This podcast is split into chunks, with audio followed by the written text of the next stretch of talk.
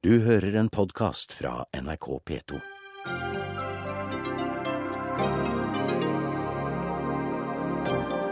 Regjeringen fyller ett år og markerer dagen med slottsmiddag. Men de har lite å feire, mener opposisjonen. Vorspielet tar de uansett her i Dagsnytt 18.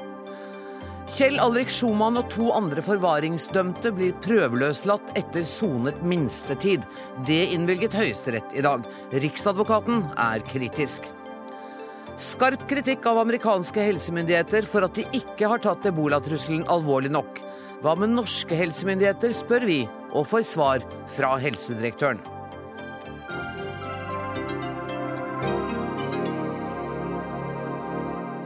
Dette er torsdagsutgaven av Dagsnytt 18, der vi også skal få en innføring i de nye reglene for bruk av skattelistene, men aller først. I dag er det ett år siden Erna Solberg, iført mørkeblå kåpe, kom ut på Slottsplassen med Siv Jensen ved sin side og presenterte landets nye regjering. Gratulerer med dagen, statsminister. Takk skal du ha. Hvis du kan velge ett høydepunkt fra det året som har gått, Jeg mener jo at uh, vi har mange høydepunkt i løpet av et, uh, av et sånt år. det var derfor jeg men- ba om bare ett. Ja, men jeg mener, jeg mener fremleggelsen av statsbudsjettet er noe som bekreftet uh, de endringene vi har sagt var viktig å gjøre, og vi har fulgt det opp i budsjettet. Der er mer penger til infrastruktur, der er betydelig mer penger til forskning, til innovasjon, til å løfte Norge fremover. Vi gir svar på det vi sa i valgkampen, nemlig at vi må, må ruste Norge for fremtiden. At vi er nødt til å, å satse mer. Så det er klart at statsbudsjettet, som er summen av eh, veldig mange av tiltakene, er utrolig viktig. Men hvis vi skulle gå i den andre enden, hvis det var én ting som du skulle si som du ikke var fornøyd med dette året?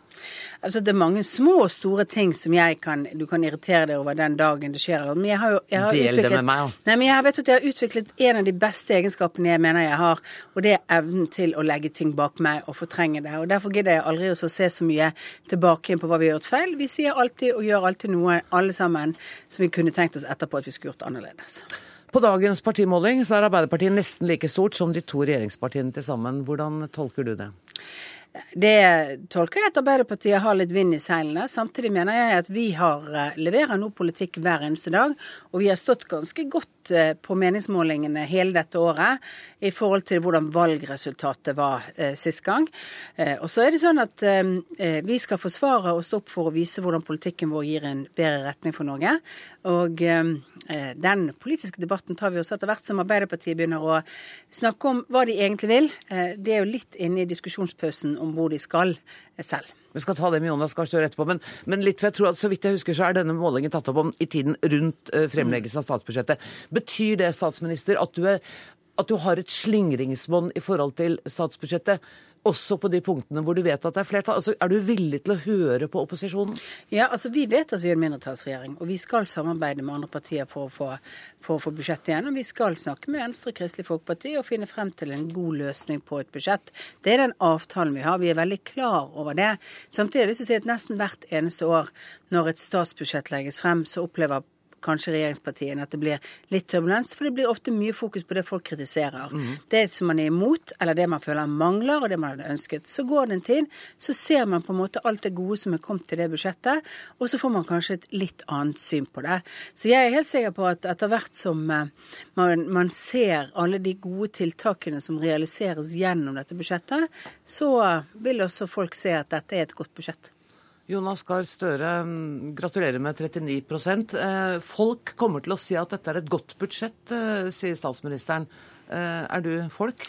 Jeg håper det. La meg begynne i det rause hjørnet og gratulere statsministeren med ett år. Hun har stått på hardt. Det er hardt å sitte i regjering, og det er spennende også. Og det ser ut som hun trives der hun sitter. Et statsbudsjett på rundt 1200 milliarder kroner er jo masse penger som går til gode formål. Og jeg mener vi kan være stolte av å bo i et land hvor vi er enige om veldig mye. Så den veldige omleggingen som skulle komme med denne regjeringen på lang rekke punkter, den eh, er lagt til side. Eh, Men jeg vil jo også si at eh, de ikke leverer de riktige svarene på de utfordringene Norge har. Jeg er jo uenig i det, og jeg tror at en av grunnene til at du ser de utslagene du gjør på målingene, er at eh, folk, når de ser resultatet av politikken, og når de ser statsbudsjettet, så ser de mot Arbeiderpartiet som alternativ til denne regjeringen. Men når du ser på det året som har gått, og de varslene dere sendte ut før valget, har det gått så gærent som dere spådde? Nei, men vi har heller ikke fått den politikken de lovet. Eh, det har jo vært en parkering av valgløfter i stor stil. og Jeg har ikke tenkt å dvele mye ved det, for nå får vi høre at de fikk jo ikke rent flertall hver for seg. Mm. Det er vel sjelden man gjør det. Eh, men jeg mener jo det at velgerne ble lovet at bompengene skulle bort, mulla Krekar skulle ut, asylpolitikken skulle strammes inn. En lang rekke forslag og skattekutt langt over det vi har fått. De er store nok, de som er, og vi er kritiske til dem. Så Norge er tatt godt vare på. Eh, i den forstand at eh, det er et godt land å bo i. Og jeg tenker at vi leverer jo et statsbudsjett, behandler i Stortinget et statsbudsjett som vokser med handlingsrom. Og Det er veldig få land i Europa som har det. Så vår diskusjon må jo da være hvordan bruker vi handlingsrommet. Og Der er det reell uenighet i norsk politikk, og det kommer tydeligere fram i dette budsjettet. Og dere mener at uh, denne regjeringen bruker for mye penger? Ja, det mener vi nå at til hver anledning så har de veket unna å ta harde prioriteringer ved å hente mer oljepenger. Og så er det det forholdet som jeg har gjentatt mange ganger, også i dag tidlig med finansministeren, uh, at de lar altså 50% av disse skattekuttene gå til de 5% som har mest fra før. Samtidig som de altså, for å ta et, et, et annet utfall, kutter i barnetillegget til uføre. Og det er bildet av et Norge som jeg tror nordmenn egentlig ikke kjenner seg igjen i. Det er en type ulikhet som er under oppseiling, som jeg eh, tror er en grunn til at eh, du også får de utslagene i opinionen. For det er ikke sånn vi mener vi skal satse i Norge. Statsminister, du skal få ordet, men jeg må først gi ordet til Knut Arild Hareide. Gratulerer med bunad. Det er sjelden jeg har så velkledde folk i studio. Eh, Trygve Slagsvold Vedum lovet meg tidligere i dag at jeg skulle stille i smoking. Det der ligner ikke engang. Men men la oss... Senterpartismoking har på seg. Ja, EU-ambassadøren ute i skogen, og så var det så hyggelig. Så det tok litt tid. Ja, Det skal ikke være hyggelig her, så vi fortsetter nå til saken. Eh, dette med eh, eh, barnetillegget til trygdede er jo noe du kan hekte deg på med, med Jonas Gahr Støre. Men hvis vi ser bort fra det, mm. syns du regjeringen har levert sånn som du forventet? Jeg syns regjeringa har kommet godt ut av det første året. Men for meg var ikke statsbudsjettet noe høydepunkt. Jeg håper at det kan bli et høydepunkt eh, når vi er ferdige i Stortinget eh, om noen ukes tid. Eh, men jeg syns det har vært en regjering som har grepet fatt i fornyelse. Jeg tror vi vet at vi er veldig avhengig av den oljealderen vi er inne i nå. Vi må forberede oss på en annen tid. Der har det gitt mange signal. Og jeg tror vi kan ikke løse alt med litt mer penger til alt. Det har regjeringen tatt noen grep. De har starta på et arbeid. Det syns jeg er bra. Det har òg på en måte løfta opp familiepolitikken. Sagt at familier kan være forskjellige. Vi må velge litt forskjellige løsninger. Det har vist en ny tenkning eh, på de områdene som jeg syns er veldig bra. Og hvis jeg skal gi et spesielt honnørord til statsministeren, så syns jeg hun har gjort en meget god jobb som statsminister. Og det er én sak hun har fått en ekstra ros for. Er det hun har gått i front og sagt Norge skal bli ledende innenfor utvikling og jenter og utdanning i de fattigste landene. Det syns jeg er utrolig bra. Hun har ikke fått så mye kred for det, men det er Erna Solberg som har gjort det. Det syns jeg er veldig bra. Så er det klart at det vi opplevde med statsbudsjettet, eh, der er det noen signal som jeg opplever er, er veldig vanskelig med den, kall det fordelingsprofilen på skatt, samtidig som vi da ser noen sosiale kutt. Så sier vi òg at vi skal forberede Norge for uh, tida etter oljealderen. Eh, så bruker vi mer oljepenger enn noen gang. Og er det da campingvognavgiften som må bort, hvis vi skal forberede oss på tida etter mm. oljealderen? Det er jeg usikker på, for å si det på en mild måte. Er det sånn at dette statsbudsjettet skyver Kristelig Folkeparti mer i retning av et Arbeiderpartisamarbeid i framtida? Det jeg ser, er at det virker som regjeringspartiene har lagt opp til at Venstre og KrF skal ha stor innflytelse på budsjettet. For det kreves betydelige endringer når vi kommer til Stortinget. Jeg oppfatter det som et ikke-svar. Eh, Erna Solberg, du fikk altså litt ros her, mm. men du får kritikk både fra Arbeiderpartiet og Kristelig Folkeparti mm. for eh, usosial profil på statsbudsjettet. Ja, jeg mener jo at uh, arbeidslinjen er en viktig del, og den har vi vært ganske enige om på Stortinget at vi skal gjennomføre. Det foregår to ting på uføretrygden. Det ene var det et enstemmig storting som vedtok for tre år siden. Eh, det er omleggingen til ny uføretrygd. I forbindelse med den saken så skrev den rød-grønne regjeringen at spørsmålet om barnetillegget det ville de, og, og, endringer til å gjøre den mer sjablongsmessig, det ville de avvente eh, avvente til de så var ferdig med behandlingen av det såkalte Brochmann-utvalget. Hva var det dette utvalget sa? Jo, det sa at det er veldig mange som opplever å ha mer igjen i inntekt ved å være på uføretrygd med barnetillegget enn de ville hatt hvis de hadde vært i jobb, og at det er et veldig negativ, langsiktig måte å mobilisere arbeidskraft på, altså arbeidslinjen i Norge. Eh, Den gangen var de altså åpne for at de kanskje måtte gjøre noe fremover. Nå er det blitt utrolig usosialt. Jeg mener jo at hvis de hadde gått ned og sett på disse tallene, og de skal vi gjøre tilgjengelig for Stortinget så de kan se på det, så vil de se at det er for mange av disse gruppene kompensasjonsgrader nå, altså hvor mye penger de får, som de alternativt, hvis de hadde vært i jobb, ville fått mindre på. Og det tror ikke jeg er bærekraftig i fremtiden. Så vet jeg at dette er tungt og vondt for folk. Men det er også sånn at et samfunn som gjør det ulønnsomt å være i jobb, det er et samfunn som ikke gjør det særlig bra i fremtiden, og det trodde jeg vi var enige om. Og så har jeg lyst til å si én ting bare om campingvognavgiften, for det er morsomt å si det. Den eneste grunnen til at vi fjerner campingvognavgiften, er at vi gjør en ny stor omlegging av toll, avgift og faktisk innkreving av årsavgiften. Og det er ikke, Da er det forsikringsselskapene som i fremtiden skal ta inn årsavgiften eh, for biler, og det er fordi det er en obligatorisk forsikringspremie. Du har mista meg for lengst. Nei, det er ikke fordi vi er veldig opptatt av at folk skal kjøpe campingbiler, men det er fordi vi ikke vil ha et byråkrati som skal være til stede bare for å ta inn den avgiften. Da er det enklere å fjerne den. Vi må også gi ordet til Trygve Slagsvold Vedum. Selv om du ikke har smoking, så skal du få ordet her. I fjor, før regjeringen, eh, den nye regjeringen kom, så eh, serverte du fårikål og sa til norsk presse at dette kommer det nå ikke til å få med denne regjeringa. Så gærent har det jo ikke gått. Nei, men det skulle bare mangle at vi ikke har fått til det på ett år. Det hadde vært eh, veldig godt gjort. Men det har vært en regjering for større forskjeller, det vi har fått nå. Eh, og det har vi sett ved måtte, alle ulike merkesteiner det første året. Både sosialt og geografisk. Og det som har du har sett helt systematisk, er at du har kutta i næringer som jordbruk, som du var eh, innom. Du har kutta i ordninger for fiskeri. Du har kutta i ordninger for reiseliv og turismen. Sist i budsjettet med kutt i Innovasjon Norge. Og de har avgifts- og skattebelagt norsk næringsmiddelindustri hardere. Så profilen har vært veldig tydelig. De har, de har funnet rom for å gi store skatte, skatteletter for en veldig, veldig liten gruppe av befolkningen. Mange av dem bor på Jar og Snarøya og de, de områdene som er Høyres kjernetropper. Og så har de da gjort grep som er distriktsfiendtlige og næringsfiendtlige for, for turisme, for fiskeri, for jordbruk, for næringsindustri. Og jeg syns det har vært en feil profil. Men ingenting av dette kan ha overrasket deg, for alt dette sto i programmet. Jo, Noe av det har overrasket meg, bl.a. det her økte gebyrene for næringsmiddelindustrien. Økte avgifter for mange distriktsnæringer. Det er veldig overraskende. Da er det ingen som hadde trodd at gebyrene skulle gå opp og avgiftene skulle gå opp når Høyre og Frp fikk makta. Det har han faktisk gjort for mange næringer rundt i Norge. Og hvis du var på lokale debatter med Høyre-folk før valget, så var jo reiseliv og turisme blant de tinga som ble løfta fram med veldig mange honnørord. Men når vi ser i budsjettet, så har de kutta Innovasjon Norge. De har kutta i de midlene som for kultur, fremming av norsk kultur, som Gahr Støre fikk fram når han var utenriksminister. Så det har vært ganske systematiske kutt mot det. Eh, Og en sånn blind tro på at markedet skal ordne alt, på at vi ikke skal løfte fram noen næringer. Og så er det én ting til som bekymrer oss. Det er jo angrepet på det rammeverket rundt hvordan vi skal bruke norsk natur. Både når det gjelder råfisklov, deltakerlov i fiskerinæringa, og det vi så i går på konsesjonslov konsesjonslov når det gjelder eierskap til skog og jord i Norge.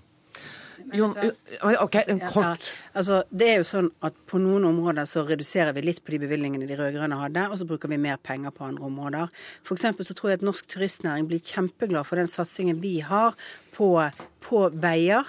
Både for at turistene skal komme frem, men ikke minst det vi satser veldig mye på, det er disse nye kulturveiene, turistveiene, som altså får et stort løft i dette budsjettet. For det vet vi også blir måter å komme ut i distriktene og se den fantastiske naturen. Det er jo ikke sånn at hver krone de rød-grønne brukte på ulike områder, var 100% riktig, og hvis du hadde brukt én krone, så var det for mye, eller én krone for lite.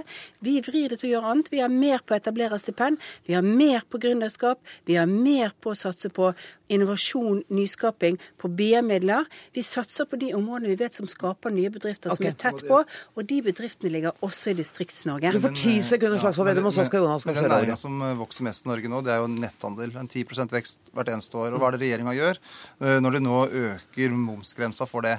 Altså fra 200 til 500 kroner. Og det er jo å subsidiere direkte arbeidsplasser i utlandet.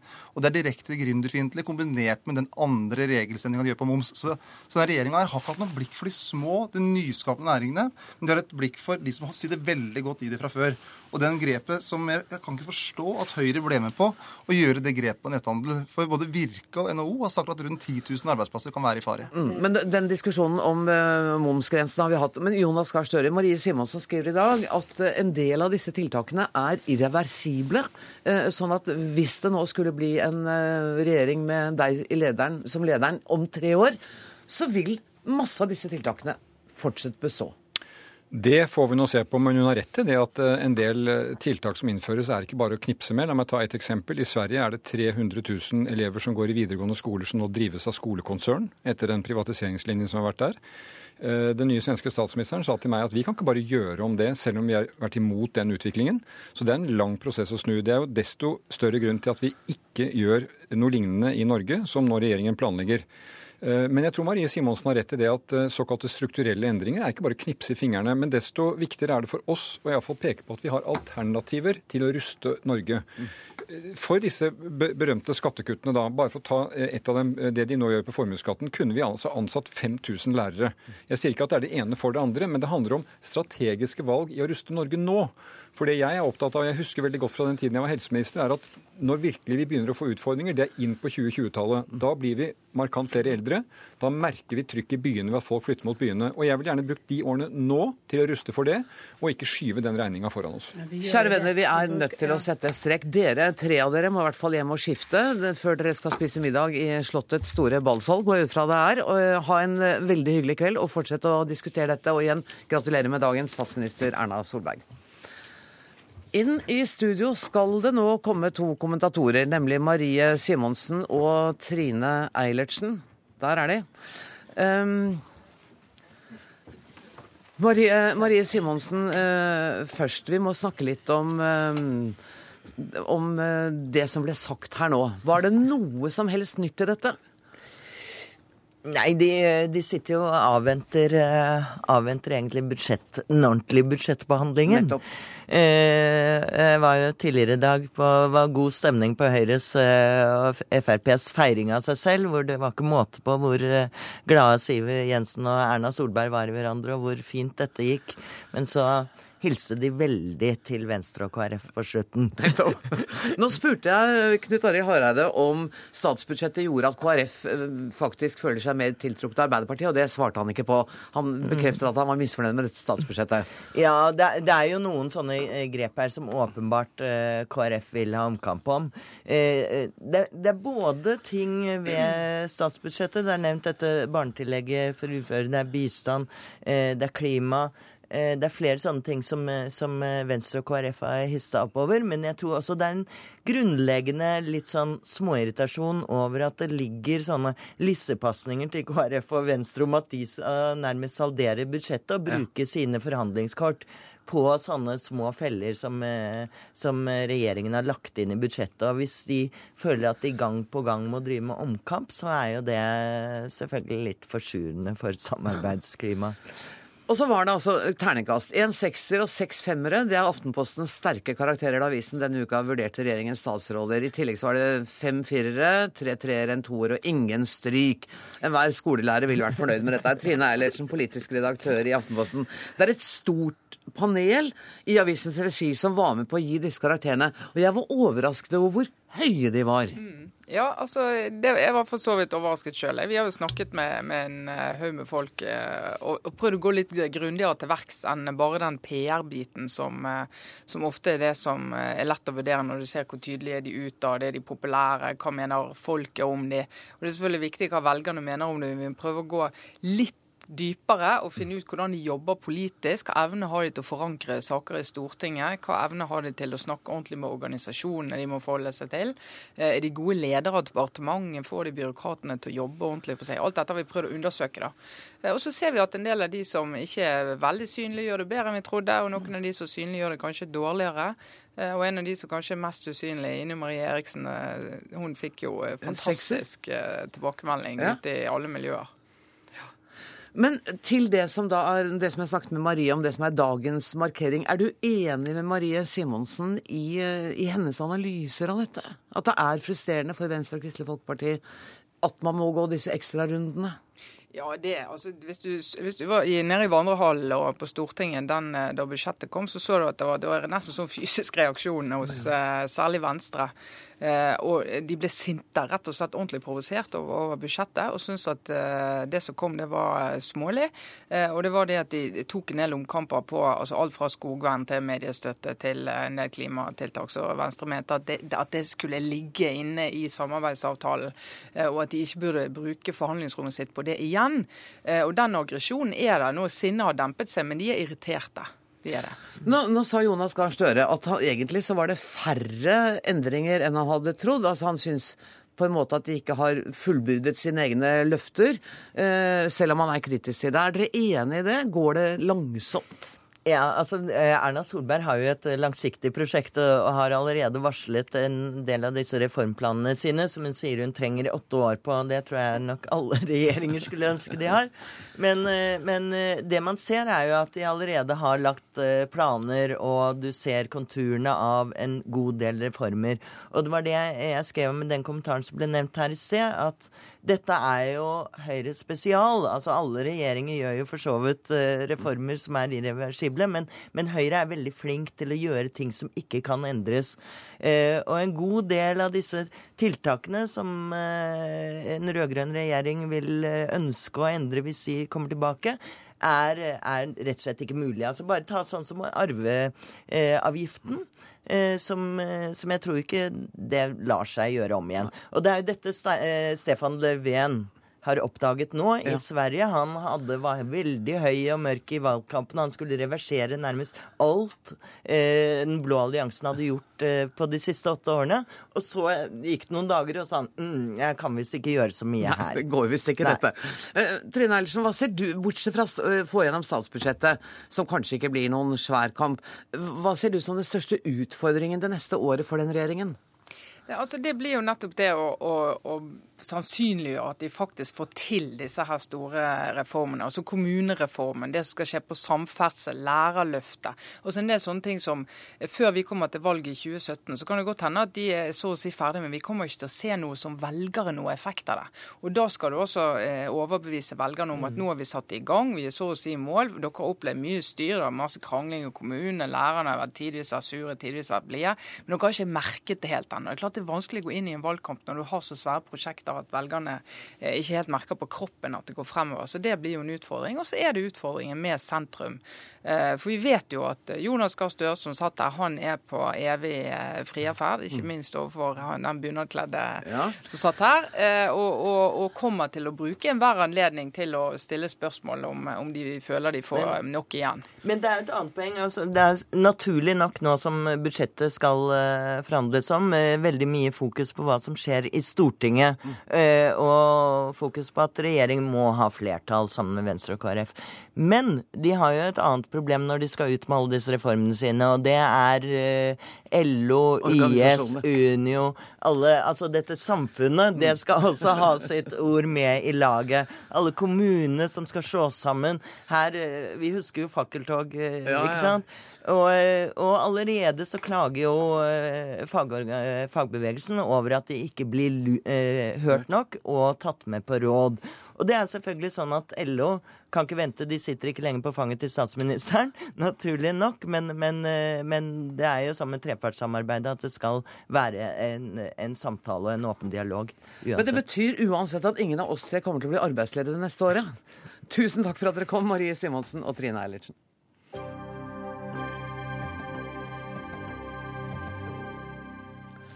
Det skal dreie seg om norsk strafferett. To av Nokas-ranerne løslates etter å ha gjennomført en forvaringsdom på ti år.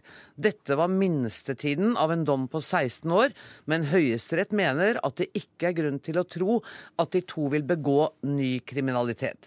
I tillegg har en mann som ble dømt til forvaring for forsøk på overlagt drap på sin fraseparerte ektefelle, også fått medhold i sin begjæring om prøveløslatelse, og dette reagerer dere på, statsadvokat ved Riksadvokatembetet Reidar Brusgaard. Ja, Vi har iallfall hatt et helt annet syn på det jeg vil si er ganske viktige problemstillinger. Eh, og la meg bare knytte et par kommentarer til dette med forvaring. For det dreier seg jo om hvordan samfunnet skal beskytte seg mot særlig farlige lovbrytere. Og særlig da med tanke på fremtidige nye straffbare forhold. Og Temaet så langt har jo i stor grad dreid seg om eh, skal en person idømmes eh, forvaring. Men det som har vært tema nå, har jo vært hva er kriteriene for å løslate personer på prøve. Altså ikke ved fullendt forvaringstid, men på prøve ved utløpet av minstetiden, som maksimalt kan være ti år i dag. Og Der konstaterer jo vi at det er en forskjell på de som har fått tidsbestemt straff, og de som har fått eh, forvaringsstraff. Altså det er ulike vilkår. Så det er lettere Eller altså, man slipper ut tidligere ved en forvaringsstraff enn ved en vanlig fengselsstraff. Altså Det rettslige vilkåret er ulikt. og Vi har jo anført, og jeg mener det også er ganske åpenbart, at det er lettere å prøveløslates fra forvaring enn fra tidsbestemt straff. Og hele hensikten med forvaring var det motsatte. Det skulle være mer enn en fengselsstraff. Uh, det, det er iallfall uh, en annen uh, Det har iallfall vært en annen begrunnelse. Men, Gi meg den, da. jeg, tror fall, jeg tror i hvert fall at hvis du leser forarbeidene frem mot lovens uh, ikrafttredelse, så var det i hvert fall ikke meningen at forvaring skulle være en mildere eh, reaksjonsform. Og det eh, er det nå. Altså, nå har, du har aktorert i tre saker. Alle tre sakene har Høyesterett bestemt at vedkommende skal prøveløslates eh, etter ti år. Um, hva gjør Riksadvokatembetet nå, da? Vi er kommet i en situasjon uh, hvor vi er uenige i, i, en, i si, den rettslige vurderingen, og kommer til å fremme et lovforslag. Riksadvokaten har vært tydelig på det allerede. Eh, fordi, altså, Hvis man går litt inn i dette, så ser man at uh, la, la, meg bruke et eksempel. Vi, vi har to stykker, uh, Per og Pål, og de får 16 års, en reaksjon på 16 år. Den ene får forvaring, for han har kanskje to-tre ran fra før. Den andre har ingen, og får da vanlig fengsel. Så mener vi at det er ganske åpenbart at det blir en urimelig, urimelig, urimelig konklusjon hvis da denne med flere ran som får forvaring, løslates på prøve, mens denne som har tidsbestemt straff, ikke løslates etter to tredjedels tid. Og, og, Vi argumenterte jo da i, i Høyesterett for at uh, normen som brukes, rettslige, det rettslige vurderingstemaet som brukes for vanlig fengselsstraff, uh, burde være normen også i forvaringstilfeller. Men eh, i disse Jeg har, må innrømme at jeg er ikke kompetent til å gå inn i dommene, men jeg har lest disse tre dommene i dag. Eh, og jeg ser jo at førstevoterende i Høyesterett eh, innrømmer tvil sier jo i flere av dommene at vi er tvil. I den ene så sier førstevoterende men når lagmannsretten etter flere dagers umiddelbar bevisføring har kommet til at det ikke foreligger en reell fare for at han vil begå ny alvorlig voldskriminalitet, så er jeg blitt stående med at jeg ikke har tilstrekkelig grunnlag for å sette denne vurderingen til side. Eh, hvorfor kan man ikke som høyesterettsdommer stole på den bevisføringen som har gått i lagmannsretten? Han gjør jo det. Hvorfor er det så gærent? Nei, det, det, ligger jo på mange måter i systemet vårt, at Høyesterett må bygge på det som Nettopp. har kommet fram tidligere. Men det som har vært vår hovedinnvending, har vært at den rettslige normen er, er, eh, er for streng. eller er, altså Det er for vanskelig for påtalemyndigheten å bevise uh, gjentagelsesfare. Og La meg bruke da et eksempel, eller, eller et, prøve å konkretisere dette litt. Uh, du har en person som har sittet ti år på Ila, eller mer eller mindre inne på Ila i ti år. Så så skal altså påtalemyndigheten bevise eh, at, denne personen, at, det er, at det er nærliggende fare for at denne personen, når han slipper ut, hvis han slipper ut, vil begå en ny eh, tilsvarende forbrytelse. I tillegg så kommer jo at eh, vil jeg hevde da, at i tillegg så kommer jo at en del vi, vi, mener, vi har anført at det er en del personer som er tilpasningsdyktige i fengselet, og selvfølgelig ikke nødvendigvis løper rundt og slår og sparker og, og, og, og så videre. Men, men, de samarbeider heller ikke i spesielt stor grad. Og da får vi den litt eh, krevende situasjonen at vi har veldig lite å bygge en såkalt nærliggende fare for nye forhold på. Og da ender man fort, eh, slik vi ser det, da, i en situasjon hvor, eh, hvor, eh, hvor, en person som da har tatt litt skolegang og på en måte har gjort mye av de riktige tingene, han, han vil løslates. Så det blir nesten, dere er redde for en slags automatikk i at etter ti år så, på forvaring så blir man prøveløslatt? Jeg, jeg, jeg, uten å gå for langt i å sondre, så, så, er det ulike typetilfeller av forvaringsstemte. Jeg, jeg tror ikke dette er like aktuelt for alle typer, men overfor i hvert fall visse kategorier. Jeg tenker særlig på de farligste, de organiserte kriminelle eh, eller andre ressurssterke mennesker, så, så, tror jeg det er en fare for at man oppnår egentlig det motsatte, nemlig at man eh, for å unngå, å, å, unngå å gi eh, anstalten informasjon og bygge gjentakelsesfare på. Altså man, så fjerner man seg. Man vil ikke samarbeide, man vil ikke rehabiliteres. Eh, og så sier man vel, dere klarer ikke å bevise at jeg er farlig etter ti år. Og Da har på en måte systemet spilt fallitt. For det er ikke som sagt bare at vi ikke klarer å bevise det, men vi har, vi har heller ikke fått i gang denne rehabiliteringsprosessen som vi er ute etter. Eh, nå sa, eh, altså Vi har spurt om justisministeren kunne komme i studio i dag. Det kunne han ikke. Men han sa til Dagsnytt tidligere i dag at det ligger et lovforslag eh, i departementet som innebærer at man øker minstetiden ved forvaring til 14 år og maksimumstiden til 30 år. Etter ditt syn, vil det løse denne problemstillingen? Det er to forskjellige problemstillinger. Det ene går jo på minstetidens lengde. Det har altså å gjøre med når er det jeg tidligst kan søke meg prøveløslatt. Og når man øker, når, Ved å øke den til 14 år, så kan du altså ikke begjære deg løslatt før etter 14 år. Og Sånn sett så harmoniserer du forvaring og tidsbestemt straff. Eh, det tror jeg er helt riktig. Så er det andre spørsmålet. Hvilke vilkår eller kriterier skal da etter i framtiden, 14 år, legges til grunn når en forvaringsdømt begjærer seg løslatt. Og Der mener vi at der bør man legge, anlegge en bredere norm som legger vekt på straffehistorikk. Er du en gjenganger? Har du disiplinærbrudd? Har du nye anmeldelser? Hva slags apparat er det som venter deg når du kommer ut? Og så altså, det er en rekke kriterier, og det blir mer en forsvarlighetsnorm som da skal vurdere om du er egnet for prøveløslatelse eller ikke. Ikke bare dette litt snevre er det nærliggende fare for nye forhold. Dette er en viktig sak for dere? Ja, vi, eh, vi, mener det. og Derfor så har også Riksadvokaten som sagt vært uh, ganske rask på ballen og sagt at her vil det komme et uh, forslag om lovendring fra vår side. Tusen takk for at du kom i studio, statsadvokat ved Riksadvokatembetet, Reidar Brusgaard.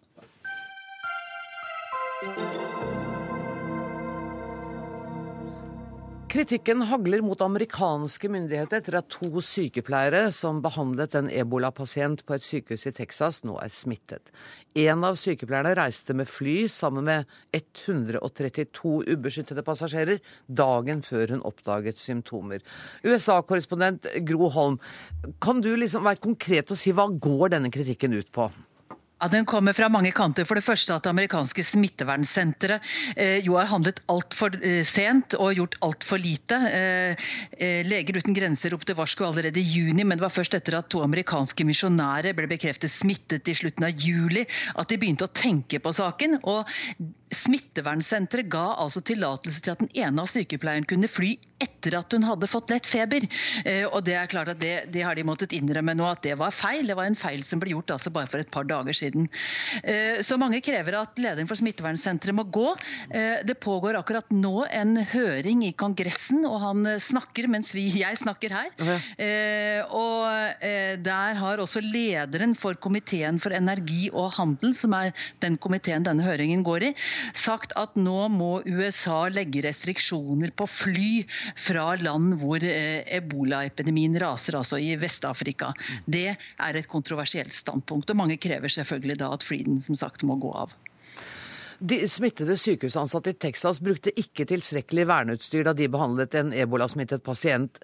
Dette er liksom den, den andre store feilen som er begått. Hvordan forklarer man dette? Man har ikke noen god forklaring på det. Eh, de helseansvarlige i Texas kom med en merkelig uttalelse om at vi trener hvert eneste år og utstyret vi har er godt nok. Mens eh, jo sykepleierne som deltok i behandlingen av Thomas Erik Duncan, som jo er død nå, eh, de forteller at de hadde ikke ordentlig verneutstyr som dekket hele kroppen de første tre dagene han lå på sykehuset. Og da var det jo sterk mistanke om ebola. Prøvene fra Duncan ble fraktet sammen med andre prøver rundt i sykehuset. De måtte teipe igjen åpne områder i nakken, altså for, kanskje fordi uniformene var for, var for, store, det er litt uklart. Teipe igjen med medisinsk teip. Eh, og eh, det fantes, det finnes ikke gode nok forskrifter for hvordan man tar av seg disse uniformene uten å få noen av kroppsvæskene på seg. Det er et problem som det visstnok skal være vanskelig å, å finne gode svar på. Helt til slutt, Gro Obama sier at USA skal være mer pågående i kampen mot ebola. Hva ligger konkret i det? Eh, ja, For det første så sendes det jo nå kriseteam til alle sykehus som behandler ebolasmittede her i USA. Internasjonalt eh, så sier Obama at det viktigste er å stoppe epidemien der hvor den raser som verst. Og han har da snakket med lederne i en rekke land, bl.a. Japan, eh, Storbritannia, Frankrike, Italia og Tyskland, om hva man kan gjøre. USA har sendt 3000 soldater til Vest-Afrika, men det tar tid å få opp de 17 sykehusene eh, som, USA skal sette opp der. De vil ikke være klare før eh, tidligst i slutten av november. Sverre Tom Radøy, Afrikakorrespondent. USA har sendt 100 amerikanske soldater til Liberias hovedstad Monrovia denne uka. Hvordan ser man der på den amerikanske tilstedeværelsen?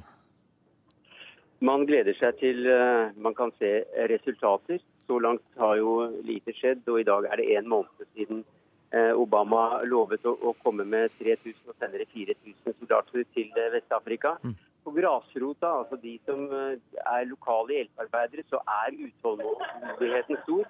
De vet at amerikanerne skal eh, lage isoleringssentre for helsearbeidere. De er svært spent på om eh, de faller inn under den kategorien, eller om det bare er utenlandske helsearbeidere det gjelder. Mm. Foreløpig så har det ikke skjedd noen ting, og utålmodigheten er stor i Monrovia. Du bor på samme hotell som amerikanerne og har snakket med dem. Hva sier de? det er jo ikke viktig, men jeg ble jo skjelt skikkelig ut av generalen selv, som jeg eh, høflig henvendte meg til, ga kortet og spurte om de hadde en presseoffiser sjøl. Uh, han sa at det hadde de, kom tilbake om en halvtime. Jeg var tilbake etter en halvtime. Da reiste han seg halvt opp fra bordet og skjelte meg ut og ba, ba, meg dra til akkurat det stedet som ungene ikke skal uh, lære om eksisterer. Uh, og han høstet anerkjennende nikk rundt, rundt frokostbordet fra soldatene, som han da fortalte gode historier til.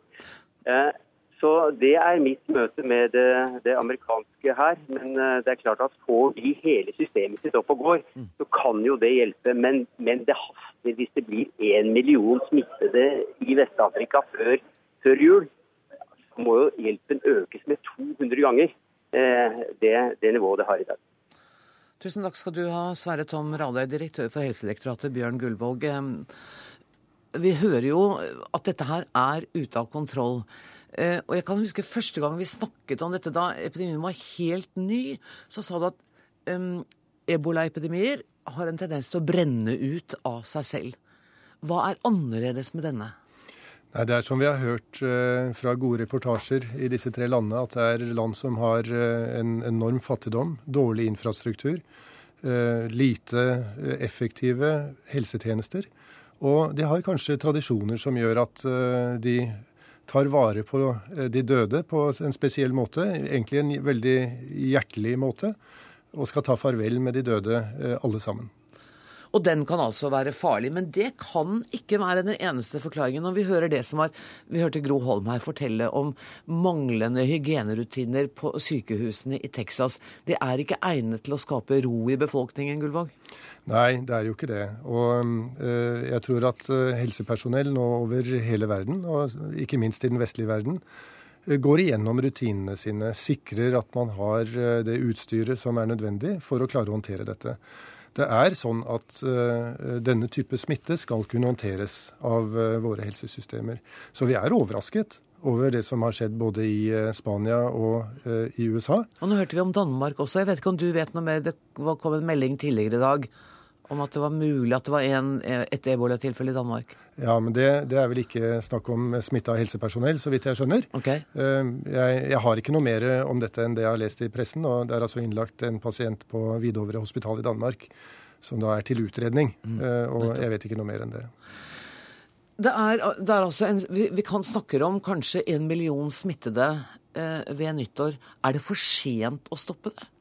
Nei, jeg tror det er grunn til å være håpefull, og at vi, det går an å uh, stoppe dette. Men det krever en samordnet og veldig kraftfull innsats. Og den har vi ikke sett? Nei, vi har ikke sett den enda, Men vi håper jo at uh, både USA, uh, Storbritannia, kanskje Frankrike kan lede an i denne innsatsen, sammen med mange andre land. Og Det er jo derfor vi har jobbet veldig hardt nå for å knytte oss opp mot det britiske initiativet. Men Hvilken rolle spiller Verdens helseorganisasjon i dette, da? Verdens helseorganisasjon har jo en viktig rolle i å overvåke eh, og gi råd til det som skal gjøres. Men det har vist seg, og eh, kanskje litt til eh, landenes overraskelse, at Verdens helseorganisasjon ikke har hatt et apparat til å begrense smitten eh, helt fra starten av. Så det kommer sikkert opp en drøfting om eh, hva slags eh, mekanisme verden har rustet seg med for å ivareta slike situasjoner. Og jeg tror nok at konklusjonen på det er at den har ikke vært god nok. Og det er jo fint at det kommer en drøfting, men mens man drøfter, så dør det altså tusenvis av mennesker. Ikke hver dag, jeg skal ikke dramatisere dette, men det dør masse mennesker. Har Norge spilt en aktiv nok rolle i dette? Det kan vi jo også naturligvis drøfte. Men jeg vil jo si at Norge var veldig tidlig ute, både å bevilge penger og utstyr. Og så har det vært viktig for Norge å ha muligheter for å ta helsepersonell tilbake som reiser ned hvis de blir syke. For det er jo naturligvis eh, en ganske håpløs situasjon hvis man blir sendt ut og blir forlatt. Så uh, før vi hadde på plass en, en, avtale med en av disse transportørene om at vi kunne ta uh, folk trygt hjem igjen, så mente vi at det ikke var uh, godt grunnlag for å sende ut store mengder helsepersonell. Så nå, nå, har vi dette på plass. Og vi jobber nå veldig aktivt eh, sammen med britene bl.a. for å kunne yte helsepersonellbistand også i Vest-Afrika. Hvor mange er det snakk om nå? Eh, vi får se hvor mange det blir, eh, men det er mange som er interessert. Eh, og det er vi jo veldig glad for. Imponert over innsats, innstillingen til norsk helsepersonell. Det er 220 som har meldt seg til Helsedirektoratet, og i tillegg så er det mange som har meldt seg til helseforetakene. Så det er mange mennesker som ønsker å yte et bidrag. Men vi må se om dette matcher det behovet som er. Og vi må naturligvis også vurdere de personlige eller den personlige kompetansen til de som skal reise. Uh, Gullvåg, jeg må også spørre, fordi det har kommet fram i diverse medier spørsmål om ebolasmitten kan ha, det kan ha forandret seg. man har snakket om at det har vært kontaktsmitte. Nå begynner ryktene å gå om at det kanskje er dråpesmitte, altså ved nys eller host, akkurat som influensa. Kan du garantere at det ikke ikke smitter ved dråpesmitte? Altså, jeg er jo ingen smittevernekspert, egentlig. Så jeg bygger jo mine faglige råd på det jeg eh, får av, av, eh, input fra hele verden, egentlig. Og eh, vi, har, vi, undersøker dette fortløpende. Og det er ingen grunn til å tro at dette viruset nå har endret egenskaper. Så har, det er ingen rapporter om det. Eh, vi, vi, er naturligvis også ute og liksom leter etter sånne ting. Mm. Så vi tror eh, fremdeles, og er overbevist om, at dette er en type kontaktsmitte. Det smitter ved kroppssekreter, det smitter ikke gjennom luft. Men det er klart at hvis du hoster og er veldig nær, mm. så kan du jo få dråper av, eh, av kroppsvæske gjennom, uh, gjennom luften. Mm. Men det er noe annet enn det vi snakker om med luftsmitte. Og når det gjelder medisinering? Ja, er det, jo, det, er ikke så mye vi har foreløpig. Vi har noen eksperimentelle medisiner, men vi håper jo det snart utvikles uh, medisiner. Men hvis jeg får lov til å si én ting, og det er, liksom for å betrygge den norske befolkningen litt. Det er jo lav risiko i Norge for ebola. Og de som ikke har hatt kontakt med Vest-Afrika, og som ikke har møtt en eh, ebolasmittet pasient, behøver ikke å bekymre seg i det hele tatt, sånn som situasjonen er nå. Og, og vi, vi, er jo mange som i løpet av høsten kommer til å få feber. Mm. Kommer til å få såre halser. Og vi, vi får influensa. Eh, så du behøver ikke å være engstelig for om dette er ebola. Eh, fordi altså Hvis du da ikke har vært i, disse områdene. Eller og, vært sammen med en ja, som er smittet. Og, og, det er grunnleggende viktig å huske på. Vinteren den blir omtrent som før i Norge. Men naturligvis, det kan være enkelttilfeller som kommer eh, til Norge, og det må vi som system være veldig beredt på å håndtere. Men ellers må vi andre bare tåle litt feber og sår hals og ta det egentlig helt med ro? Ja, jeg tror det er det gode rådet. Tusen takk for at uh, du kom til uh, Dagsnytt 18. Hør Dagsnytt 18 når du vil. Radio NRK Radio.nrk.no.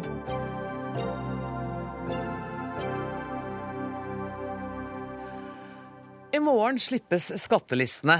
Det hørtes ut som jeg var veldig glad. Jeg mente ikke det. Ehm, nytt av året er nemlig ordningen at du kan se hvem som ser på deg. Hvem som er inne på listene og snoker på dine penger. Hans Christian Holte, du er skattedirektør. Hvordan, forklar meg hvordan denne nye ordningen fungerer. Jeg syns du beskrev den ganske godt eh, selv akkurat nå. Ja. Det er nettopp det du trekker opp som er poenget her. Du skal kunne gå inn og se. Det er en sånn eh, fane hvor det står eh, søkestatistikk, tror jeg det er. hvor man da kan gå inn og se hvem som har vært inne og, og sjekket akkurat deg. Men ikke hvis vedkommende er journalist og jobber f.eks. i NRK? Det er riktig. Dere journalister har fortsatt litt eh, spesialbehandling, eh, under visse forutsetninger riktignok, nemlig at dere ikke f.eks. i nettaviser legger opp til eh, søkbare databaser. Eh, Men dere får eh, dette tilgjengelig på, på annet vis. Men for alle enkeltpersoner, alle privatpersoner, så er det altså slik at man må identifisere seg ved å logge seg inn. Og da vil den som du søker opp, se at du har vært inne og sjekka. Og det vil uh, kanskje ha en litt sånn forebyggende effekt. For det har jo vært mye kritikk mot de åpne skattelistene her i landet. Uh, og det vil kanskje ha en forebyggende effekt at når jeg søker på deg, så står navnet mitt der. Vi tror det. Vi Det er tror litt kanskje- kleint å komme dagen etter på jobben og si at du, jeg så du søkte på meg i går. Ikke sant. Så, så det er jo nettopp det å, å være inne bare av ren nysgjerrighet som vi kanskje vil se en reduksjon av nå, da. Eh, Men det er jo to hensyn her som jeg tenker faktisk er viktige. Det ene er en åpenhet omkring økonomiske forhold i Norge, eh, inkludert eh, de lønnsopplysningene som kommer fram i skattelistene. Og det andre er at det ikke blir for mye spekulasjon og snoking i denne type lister. Så nå syns jeg vi har en, en balanse her mellom nettopp de to hensynene der. Så du er enig i at den totale åpenheten som vi hadde fram til 2011, var i overkant åpen? Ja, jeg mener nok det. At den var eh, vel åpen. Og vi hadde jo da eh, selv et initiativ for å nettopp å gjøre noe med dette. Mm. og da ble det denne innloggingsløsningen. Eh, det nye i år er altså at du blir identifisert for den du søker på. Eh, men bare det å få det bak en innloggingsløsning tror jeg gjorde en stor forskjell. Det var jo et sånt bonanza av ulike søkemuligheter i, eh, i alle nettmediene på den tiden vilt. der. Det var helt vilt. Eh, Og vi så eksempler også på hvordan kriminelle kunne bruke opplysninger f.eks. satt i system. Så, så nå er det nok en bedre balanse. Eh, Åssen er det, eh, kan jeg, Kommer du til å søke på noen? Jo naboer, venner Du kan jo følge med om jeg kommer til å søke på deg. Jeg har, eh, jeg har kan heller fortelle deg hva jeg tjener. Det er lettere, det. Jeg har ikke store planer om å, om å søke veldig mye, og det har jeg faktisk ikke noe veldig eh, stor vane for heller. eh, heller. Ove Skåra, du er informasjonsdirektør i Datatilsynet. Um, eh, Nå sier skattedirektøren at det er fint at det er blitt vanskeligere, eller ikke vanskeligere, men det er blitt tydeligere hva du leter etter. Er det bra? Altså, det er veldig bra at uh, skattelistene nærmere Det er veldig bra at skattelistene fortsatt er offentlige, og det er også Datatilsynet enig i. Vi har hatt disse siden 1863 eller noe slikt. Men måten de blir gjort offentlig på, eh, er vi veldig fornøyd med at man har gjort en teknisk begrensning på. I, i riktig gamle dager, da gikk jo folk på på ligningskontoret eller på rådhuset og så i skattelisten. Det var en bevisst handling, eh, og de visste også at andre kunne se at de var og så på skattelistene. Men så har dette altså utvikla seg etter at eh, ja, Før internett kom, så var det jo faktisk sånn at folk, eh, idrettslag gikk og, og solgte, tok kopi av skattelistene og gikk rundt og solgte på dørene. Vi fikk mye reaksjoner på det. Kan det være lov? Er dette virkelig meningen? Ja, skattelisten er offentlig, og da er det lov å gjøre det på den måten der. Og når internett kom, så klarte jo ikke media på en måte å begrense seg når det gjaldt sin bruk av skattelisteopplysninger. Og bare at jeg lasta ned en app til noen få kroner på min mobiltelefon, gjorde at hvis du tilfeldigvis lå i min kontaktliste, så fikk jeg samtidig som jeg skulle ringe til deg, se hva du hadde i skatt og formue.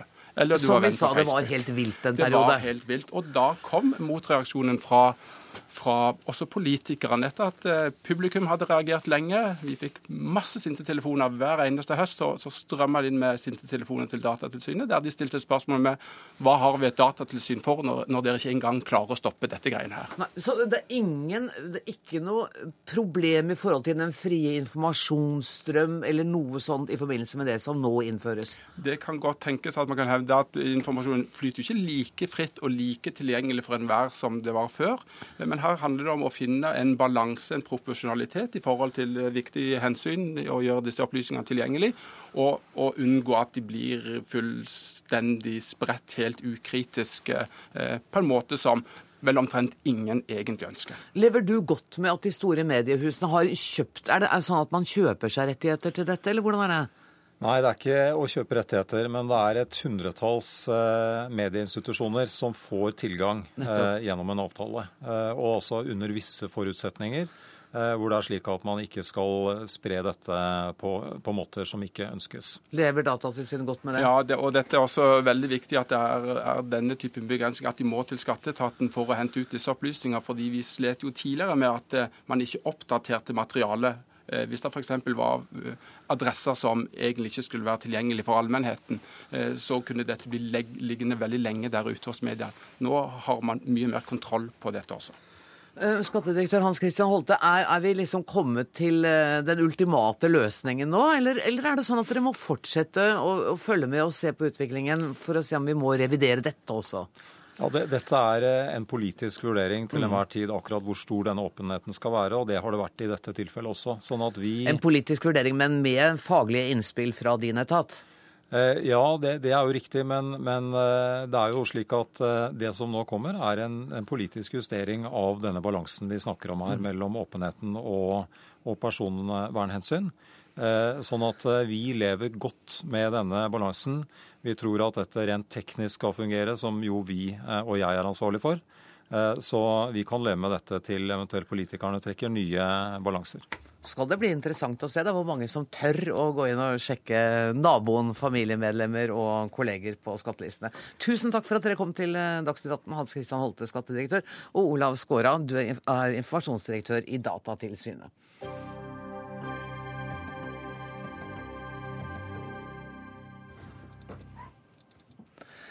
Det er uheldig å blande Nå venter jeg fortsatt på et par gjester som skal komme inn i studio, Eh, så jeg begynner forfra. Eh, Det er uheldig å blande rollen som forsker og selger.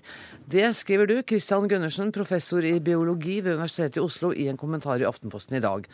I dag er det ingenting som hindrer at forskere kan drive både med forskning og salg av produktene de forsker på.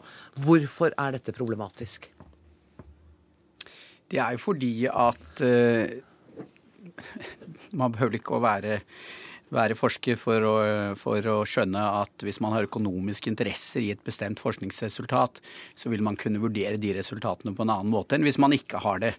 Eller som Upton Sinclair, som jeg siterer i, den, i det innlegget, sier, så er det vanskelig å få en mann til å forstå hvis eh, lommeboka hans avhenger av at han ikke forstår. Sånn at eh, eh, det er jo veldig mye forskning nå som, hvor det er slike bindinger, og, og man har alltid da en mistanke om at eh, forskeren kommer til litt andre konklusjoner hvis han tjener penger på det. Hognevik, dette er du helt uenig i, for du er forsker, har vært professor, du er doktor med, og øh, du forsker på kosttilskudd, og er også daglig leder i selskapet Natto Pharma, som bl.a. selger vitaminet K2. Hva er det Gundersen ikke har forstått? Det Gundersen ikke har forstått, det er at eh, når du er klar i beskrivelsen at du har en dobbeltrolle, du har en bakgrunn som fagperson, og du samtidig jobber med det produktet du selger, så du brenner for så du tror har gode effekter, da er det viktig å få det fram. Og selvfølgelig, der som pengene kommer fra, der er du òg lojal. Men når du forteller om disse bindingene, så vil forbrukerne og de som leser det, skjønne at det er en nødvendig binding. Ja, vil de det? Det vil de. For at i den kampanjen som nå har gått, så er en av våre kunder har fått lov å bruke meg som, eh, som ett av mange ansikter de har vist på det. Så går det fram at jeg er daglig leder i Nattofarma som selger vitamin K2. Og samtidig så har jeg en bakgrunn som fagperson. Jeg er ikke helt enig i det. For det første så syns jeg nok at hvis vi ser, ser på markedsføringen eh, isolert, så, så tror jeg den er kan være eh, i strid med, med vanlige markedsføringsregler. Og, og eh, som, helse, eh, som autorisert helsepersonell så tror jeg den er i strid med, med det du kan gjøre av reklame, og jeg tror det er i strid med Legeforeningens etiske forskrifter. Eh, Og når det gjelder da denne kampanjen spesielt, så syns jeg ikke det var spesielt lett å, å finne ut hva, hva din dobbeltrolle bestod i. Jeg måtte grave ganske lenge i den. Hvorfor det? Hva var det som var vanskelig? Ja, det, det, Han fremstår jo da med titler eh, og at han er forsker på emnet, og, og det virker jo nesten som en, eh, som en vitenartikkel i, i Aftenposten. Det er ikke som egentlig en reklameartikkel. Og, og man må lese ganske lenge på disse nettsidene før man, før man liksom klarer å gjøre, gjøre den koblingen. Det står der, det er riktig det, men man, man må lete etter det. Så jeg har fulgt denne kampanjen eh, ganske lenge, og jeg har eh, merket meg det og syns det har vært pussig. Og så har jeg lest meg opp på litteraturen, og det er jo ikke dekning for de påstandene Vik kommer med. Kan vi ikke la det ligge litt bitte grann? Og så tar vi først uh, rollen din. Nå, nå, sier han at det ikke er så lett å finne ut hvilken rolle du har, at han måtte grave ganske dypt for å vinne det. Det er hans personlige uh, opplevelse. da. Hvis du går og ser i den artikkelen som står der, så står det klart min dobbeltrolle. Mm. Eh, og så til uh, realiteten rundt vitaminet. Det er altså ikke vitenskapelig bevist at noe, denne K2-medisinen har noen effekt? Ja, Da vil jeg påstå at jeg kjenner denne litteraturen veldig godt. Det jeg også vil si at Dette er et kosttilskudd som ikke er behandling av sykdom, det er ikke medisin. Det forteller hvordan dette vitaminet, vitamin K2, er med å forhindre tap av beinvev, som er viktig for at vi har sterke bein. Og det forteller òg om at det har gode effekter på blodkarene våre. Det var dagens reklame. Så tilbake til dette med rollefordelingen. For Gundersen, all forskning er avhengig av markedet, av penger, av kapital. Hvorfor er det så gærent at dette forskningsprosjektet også får penger? Nei, jeg har ikke, jeg har ikke, irritert, jeg har ikke hisset meg opp over at det får penger. Jeg har hisset meg opp over denne rolle, rolleblandingen. Jo, men, men det er jo penger involvert i det. Ja, men det, det som er et av hovedpoengene her, er jo at vi må ha mer forskning som er finansiert uavhengig. Altså hvor forskerne ikke har en økonomisk interesse i forskningsresultatet. Og det er altså F.eks. når det gjelder da legemidler. Dere, dere, er jo ute etter å, få det registrert som legemiddel, så vidt jeg har forstått. Når det gjelder legemidler, så er det ikke tvil om at farmasøytisk industri har en alt, altfor stor innflytelse på forskningen. Det er altfor lite uavhengig forskning, og det fører til syvende og sist til overforbruk av legemidler. Og Det gjelder også andre helsetjenester. Det tror det gjelder innen skolemedisin, og det gjelder innen alternativmedisin. At aggressiv markedsføring eh, og gjør at, at, det er et overforbruk her. Og også forskning. Forskningsresultatene gir altså et glansbilde av hvordan legemidler, hvor godt de virker ofte, fordi, fordi det er en økonomisk interesse hos de forskerne som har vært involvert. Så har jeg ikke vært villig til, og det har vært en stadig mindre eh, penger til uavhengig forskning.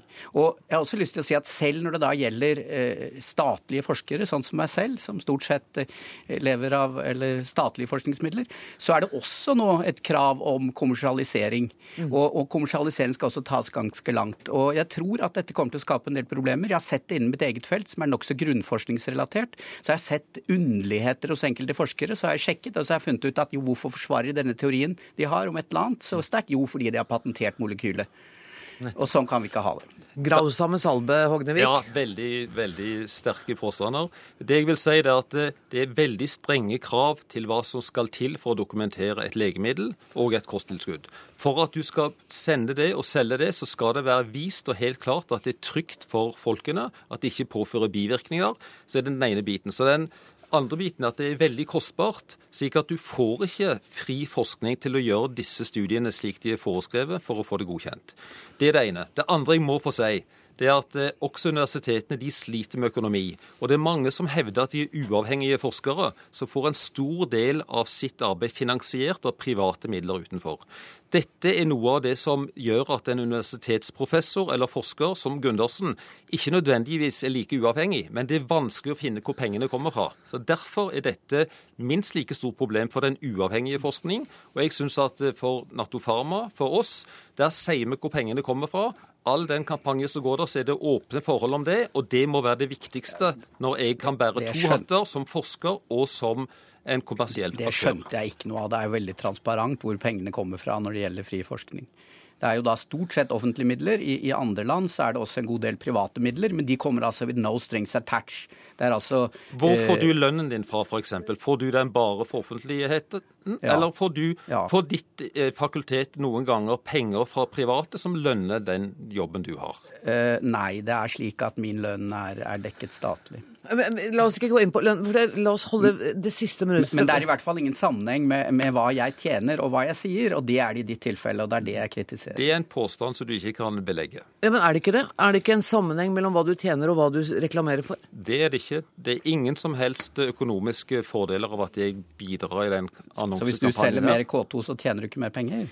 Natto Pharma som selskap jobber på vanlige kommersielle måter. Denne kampanjen her var tatt for å vise at K2 er viktig.